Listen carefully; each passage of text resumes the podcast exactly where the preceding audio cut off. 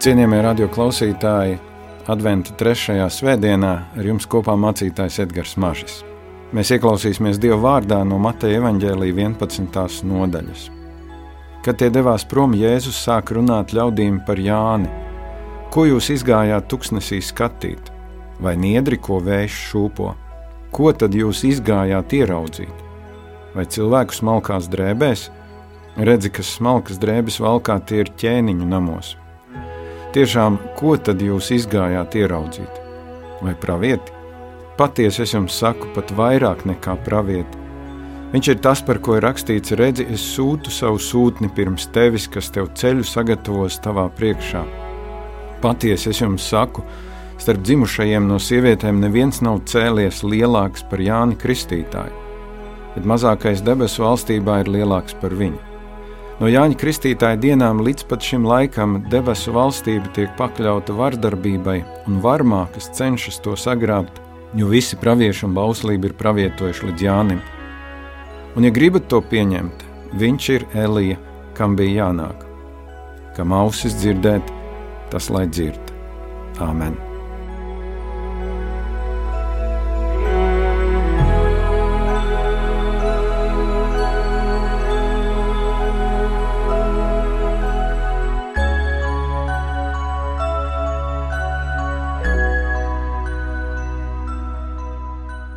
Ir pasākumi, uz kuriem ejot, mēs ejam ar kādu priekšstatu, ko mēs vēlamies redzēt un sagaidīt.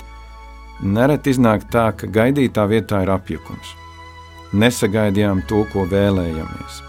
Citreiz ir pilnīgi savādāk, tu neko īpaši negaidi, bet pēc tam esi pārsteigts, cik patiesībā bija jauki. Un tas var notikt ar jebkuru pasākumu, kur apmeklējam, pat ar baznīcu, ieskaitot radio svētrītu, kuru klausāmies šajā brīdī. Dažreiz mēs nākam ar gatavu uzstādījumu, kas mums vajadzīgs un ko vēlamies, citreiz vienkārši esam šeit. Bet ir tik viegli sarūktināties, kad lietas nenotiek tā, kā esam iecerējuši. Līdzīgi kā Jēzus laika biedri, viņi bija dzirdējuši Jāni Kristītāju, klausījušies viņa vēstī, kaut ko bija sapratuši, bet šķiet ne līdz galam. Vēl ļaunāk, ja Jānis bija Dieva sūtīts, tad kāpēc Dievs viņu nepasargāja, kāpēc viņš ir cietumā, Un tas bija tāds apjukuma laiks toreiz, un kaut kādā ziņā arī šodien. Un Jēzum ir trīs reizes jāuzdod viens un tas pats jautājums, ko tad jūs īsti gribējāt redzēt? Kas jums bija padomā, kad gājāt klausīties Jānis Kristītāju, ko jūs gribējāt redzēt? Un Jēzus atbildes diezgan viennozīmīgi parāda, ka ļaudis neredzēja Jānis Kristītājā to, kas viņš īsti ir. Viņi nebija kaut ko sapratuši līdz galam. Un Jēzus tiešie jautājumi liek saprast, ka viņi nespēja līdz galam izkost vai atkost, kāda ir Jāņa Kristītāja misija. Kādā citā vietā mēs lasām, viņš bija svece, kas īsu brīdi deg un spīd, bet jūs gribējāt līksmoties viņa gaismā. Jānis kā sensācija, kaut kas nebijis, ir tik interesanti palūkoties uz šo tūkstnešu cilvēku. Niedri, ko vērš šūpo, cilvēks smalkās drēbēs, pravietis, un daudzi tā arī palika tikai pie savas ziņkāras apmierināšanas. Kādi saprata, ka ir grēkojuši, viņi pat gāja pie Jāņa, lai tiktu kristīti, bet dzīve daudz nemainījās. Jānim bija jāuzrunā kādi cilvēki, sakot, ka formāla grēku nožēla bez izmainītas dzīves nav nekas. Un, ja ļaudis nespēja ieraudzīt un saprast Jāņa misiju, tad Jēzus Kristus iedod vispilnīgāko Jāņa Kristītāja raksturojumu. Viņš bija kā ceļa sagatavotājs mesijam, pašam Kristum. Viņš bija lielākais starp sievām dzimušiem. Jānis Kristītājs, kā pravietis Elija, ko jūdi gaidīja, ticēdami, ka pirms mesijas nākšanas Elija nāks un visu sagatavos. Jānis Kristītājs kā robeža starp veco un jauno laikmetu. Vecais un jaunais laikmets. Ar Jānu Kristītāju kaut kas tiek pabeigts un kaut kas sākas pavisam jauns. Tā laika ļaudīm to ir grūti apzināties, ka viņi ir aculiecinieki kaut kam tik vēsturiski nozīmīgam. Robežu brīži mūsu dzīvē, tos nerad ieraugam pēc tam, kad tie jau ir pagājuši. It īpaši, kad redzam, kā šie brīži ir izmainījuši mūsu dzīvi. Brīdis, kad sāc ticēt Jēzum, kad izdara savu izvēli par viņu. Brīdis, kad kļūsti par debesu valstības pilsoni, kad tava pasa ir svētā gara liecība tavā sirdī, apžēlots un izglābts, Kāda ir bijusi tava ienākšana debesu valstībā? Nedomāsim, ka tas notiks tikai tad, kad būsi miris. Jēzus reiz sacīja, debesu valstība ir jūsu vidū. Un Jāņa sludināšana bija tieši par to, kā kļūt par debesu valstības pilsoni. Bet gan iekļūt, gan palikt debesu valstībā nav viegls uzdevums. Jēzus pasaka kaut ko pārsteidzošu. No Jāņa Kristītāja dienām līdz pat šim laikam debesu valstība tiek pakļauta vardarbībai un varmākas cenšas to sagrābt, jo visi pravieši un bauslība ir pravietojuši līdz Jānim, un, ja gribat to pieņemt, viņš ir Elija, kam bija jānāk. Šie ir vieni no visgrūtāk saprotamākajiem vārdiem jaunajā derībā. Jo debesu valstība taču mums vairāk saistās ar mieru un drošību, bet mēs lasām, ka šī valstība ir pakļauta vardarbībai. Debesu valstība nav miera osta, tā ir vieta, kur norisinās garīgā cīņa, un šai cīņai ir aicināts sekot tik viens Kristus māceklis. Jānis Kristītājs tika pakļauts vardarbībai no Hēroda puses. Par to, kas sacīja taisnību, par to, kas sacīja, ka viņš nedrīkst dzīvot kopā ar savu brāļu sievu. Pirmo kristiešu vajāšanas, asins liecinieki, kristiešu vajāšanas šodien pasaulē, debesu valstība, kuras locekļiem uzbrūk sātans. Un vardarbība var būt gan fiziska, gan garīga Vardarbība, kad tev jātur mute, tu nedrīkst runāt par Jēzu, un vardarbība, kad savas ticības dēļ tu tiec pazemots. Jēzus parāda debesu valstības skarbumu. Tur nav nevēsts no tādas garīgas atpūšanās. Tev ir jābūt gatavam pastāvēt par patiesību, un patiesības dēļ pat iet nāvē. Šie vārdi varbūt skan pasveši daudziem kristiešiem Latvijā. Pirmajā brīdī šķiet, esam tik atsvešināti no tā, kas notiek tur tālumā, bet pēdējo gadu situācija liecina, ka kristīgās vērtības sāk kļūt bīstamas pārējai sabiedrībai. Kristieši atkal tiek uh, iezīmēti kā vecmodīgi, atpalikuši cilvēki, un kaut kur mēs esam to jau dzirdējuši. Tā tas bija padomju laikā, tā tas ir bijis baznīcas vēsturē tik bieži, kad uh, kristieši ir tikuši pazemoti. Bet tur, kur Kristus mācekļi runā, tur ir jāsastopas ar izmaiņām. Kādreiz tas nozīmē atklāt runāt ar savu priekšnieku par aploksņa algu. Citreiz tā ir nevēlēšanās iesaistīties finanšu darījumos, kas nav īsti tīri. Kas ir tie upuri, kurus kristietim jānes šodienas Latvijā? Debesu valstība, kas tiek pakļauta vardarbībai.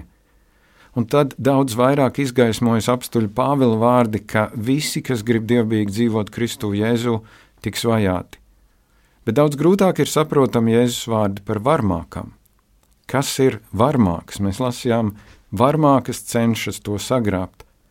Vienā nozīmē tie ir Herods un viņam līdzīgie, kas par savu mērķi uzstāda iznīcināt tos, kas runā patiesību. Tiem, kas grib parādīt savu varu, lai apspiestu Kristus sekotājus. Padomi laika partijas funkcionāri, šodienas Briseles liberāļi, kas grib izsvītrot kristīgās vērtības kā kaitīgas – bet par varmākām varam domāt arī Kristus laika garīgo autoritāšu kontekstā. Pharizēji un rakstu mācītāji, par kuriem Jēzus sacīja ļoti bargus vārdus. Bet vai jums, rakstu mācītāji un farizēji, jūs liekuļi? Jūs aizslēdzat debesu valstību cilvēkiem paši, jūs neejat iekšā un neļaujat ieiet tiem, kas nāk. Tie, kam bija jākļūst par ceļa rādītājiem uz debesu valstību, kļūst par tiem, kas citus nemaz nelaiž iekšā. Un tad jādomā par sevi, tad jādomā par to, vai nereti neesam aizslēguši citiem ceļu pie Kristus. To var izdarīt tik dažādi, var likt cilvēkiem nemitīgi justies vainīgiem par to, ka viņi nevar izpildīt it kā Kristus milzīgās prasības. Var Kristus evaņģēlī padarīt par likuma važām. Un dažreiz tā lielākā ironija ir tā, ka mēs paši ne uz pusi esam tik stingri pret sevi kā pret citiem. Protams, varmākam ir visgrūtāk atzīt, ka viņš ir varmāk. Un dažreiz mēs esam varmācīgi attieksmē pret citiem. Jā, arī tad, ja citi redz un tic Kristum savādāk. Bieži vien tad mums nav vēlāk uzdevumu, kā otru padarīt sev līdzīgu, un atkal es kļūstu par varmāku. Varmāks gan no ārpuses, gan no iekšpuses.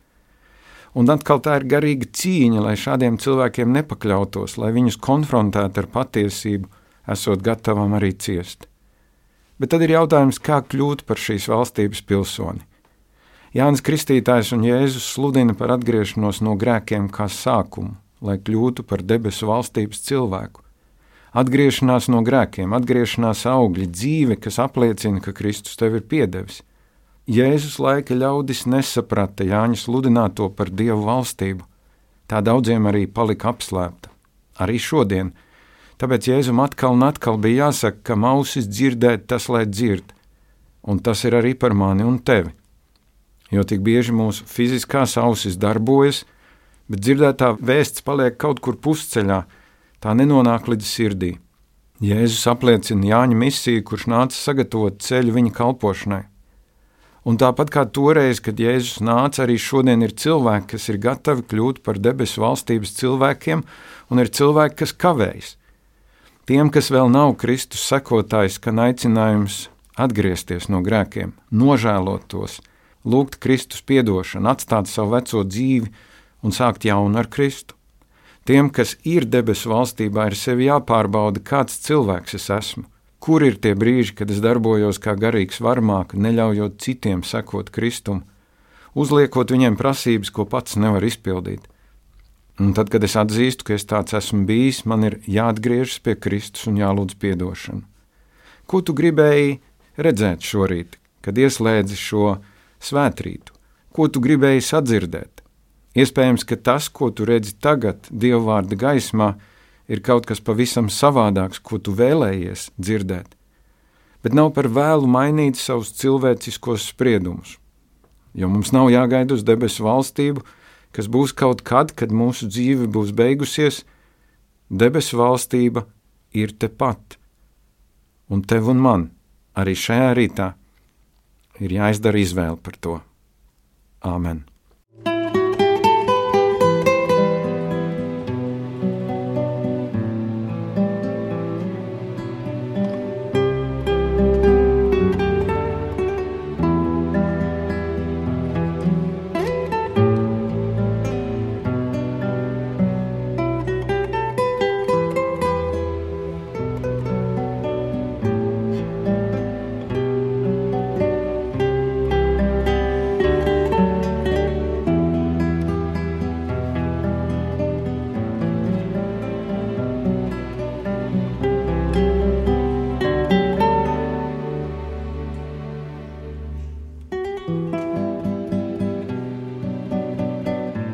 Debes Tēvs, mēs pateicamies par svētdienu, par skaisto ziemas laiku mūsu Latvijā.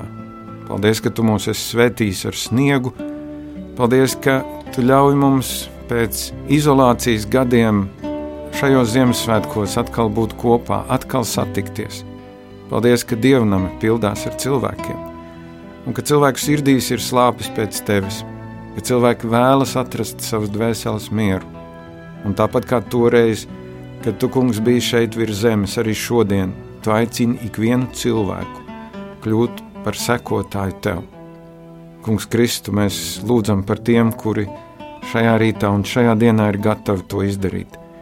Nolikt savu veco dzīvi un uzticēt savu nākošo dzīves dienu dzīves gadus tev, Kristu, un iet tālāk kopā ar tevi. Šajā rītā mēs lūdzam pēc tava miera, tur, kur šobrīd ir karš.